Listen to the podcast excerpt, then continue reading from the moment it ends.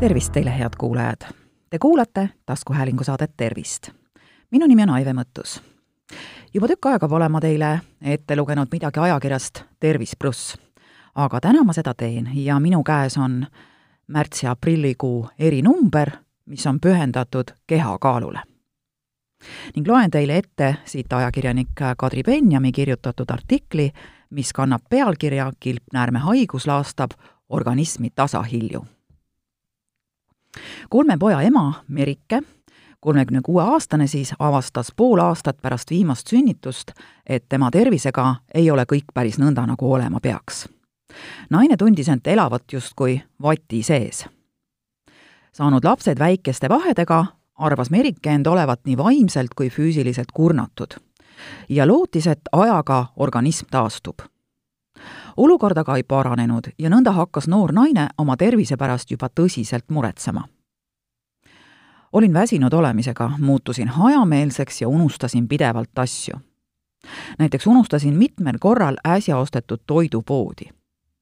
kui niisugused juhtumid hakkasid korduma, sain aru, et selle taga on midagi enamat kui tavaline väsimus, tõdeb Merike oma pideva hajameelsuse kohta naisel vallandusid ka südamepeksemishood teda tabasid pearinglus ja peavalud ning kiusas meeletu isu magusa järele.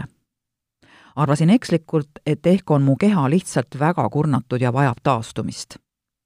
aga ühel päeval tekkisid ka tõsised unehäired, samuti käisid üle keha vaheldumisi kuuma ja külma hood.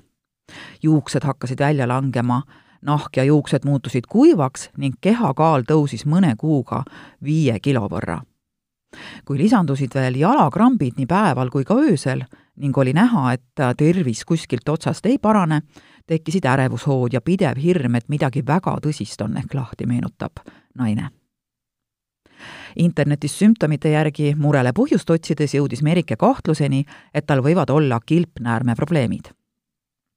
naine võttis ühendust perearstiga, kes saatis ta vereanalüüside tegemiseks laborisse järgmisel päeval sain teada, et mul on kilpnäärme tõsine ületalitus.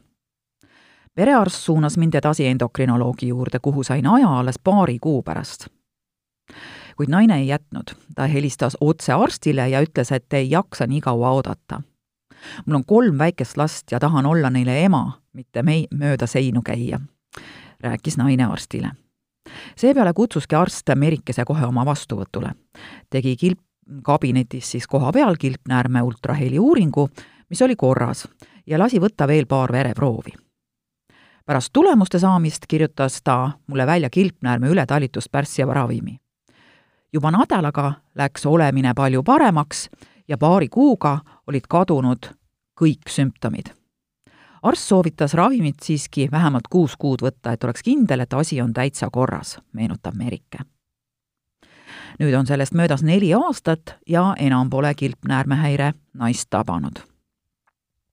minul oli arvatavasti sünnitusjärgne kilpnäärme ületalitus, mida pidavat esinema päris paljudel naistel. olen ka kuulnud, et kilpnäärme alatali-, ületalitusega siis kaal enamasti langeb, aga minul, vastupidi, tõusis. tean juhtumeid, kus inimesed on lühikese ajaga lausa viisteist kilo alla võtnud, sõnab Merike ta soovitab kõigil, kes märkavad oma tervise juures kummalisi muutusi, esimesel võimalusel perearstiga ühendust võtta, mitte jääda lootma, et küll olukord iseenesest paraneb. kui oleksin ka ise varem arsti poole pöördunud, oleksin vähem vaevelnud, sõnas Merike. Ida-Tallinna Keskhaigla endokrinoloog Ulvi Merendi kinnitab samuti, et kui inimene kahtlustab kilpnäärme talitushäiret, tuleks esmalt perearsti juurde minna kilpnäärme ületalitusele võib viidata kaalulangus näiteks, käte värisemine, pidev higistamine ja valavustunne, väsimus, unetus ja närvilisus ning kiirenenud pulsisagedus ka rahuolekus, loetleb endokrinoloog. perearst hindab patsiendi seisundit, teeb kliinilise pildi alusel lisauuringuid ja saadab vajaduse korral endokrinoloogi vastuvõtule tasub teada, et kilpnäärme ravis põhineb raviotsus nii kliinilisel seisundil kui ka kilpnäärme hormonaalsetel näitudel. analüüsid kinnitavad või välistavad haiguskahtluse, selgitab doktor Merendi. kuidas patsienti edasi ravitakse, oleneb juba uuringu tulemustest. esmaseks raviks määrab arst tavaliselt tabletid. tablettravi surub kilpnäärme hormoontoodangut alla ja ületalituse korral kestab ravi keskmiselt aasta-poolteist. et ravimidoosid saaks õigel ajal korrigeeritud, kontrollitakse kilpnäärme talitust analüüsidega iga nelja kuni kaheksa nädala tagant. kui tablettravi soovitud tulemusi ei anna, on järgmiseks ravimeetodiks radiojoodravi. tegemist on radioaktiivse joodikapsliga, mis manustatakse ühekordselt ambulatoorsel vastuvõtul patsiendile suu kaudu, selgitab endokrinoloog.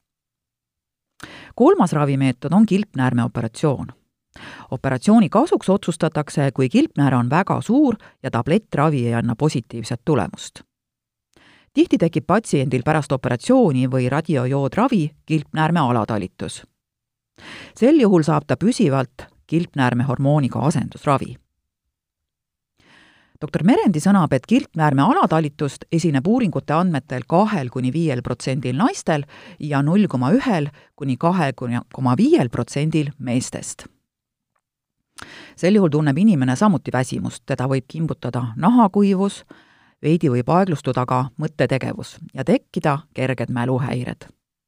sümptomite hulka kuuluvad veel kõhukinnisus ja naistel menstruaaltsükli häired, samuti külmatunne. Enamik sümptomeid on vastupidised kilpnäärme ületalituse omadele. kaalutõusu ei pruugi aga alati olla, samas võib endisele kehakaalule lisanduda kaks kuni viis kilo suurem kaalutõus on seotud kilpnäärme raske alatalitusega, mis tänapäeval jääb harva diagnoosimata.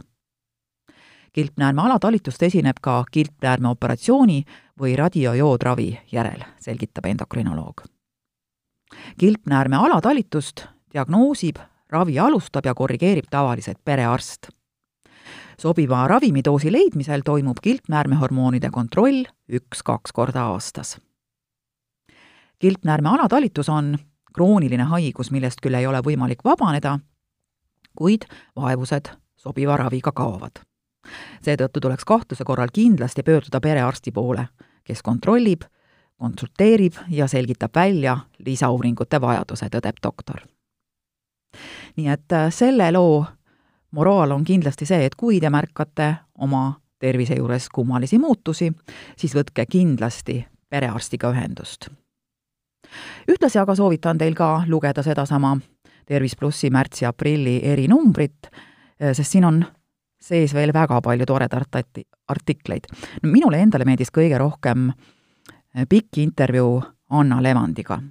aga siin on ka mitu väljakutset, kuidas koroonapekile tuul alla teha, kuidas oma keha puhtamaks süüa ja silmad nõelte abil selgemaks saada. head kuulajad, Te kuulasite taskuhäälingu saadet Tervist. saate leiate Delfi podcastide pesast tasku, nutirakenduste Spotify, Apple Podcasts, SoundCloud ja teised. hakake jälgijaks ja kuulake just teile sobival ajal. Ettepanekuid teemade kohta, mida saates käsitleda, ootan teilt e-posti teel aadressil tervist.maaleht.ee. minu nimi on Aive Mõttus, olen Maalehe taskuhäälingu saate Tervist toimetaja. tervist teile!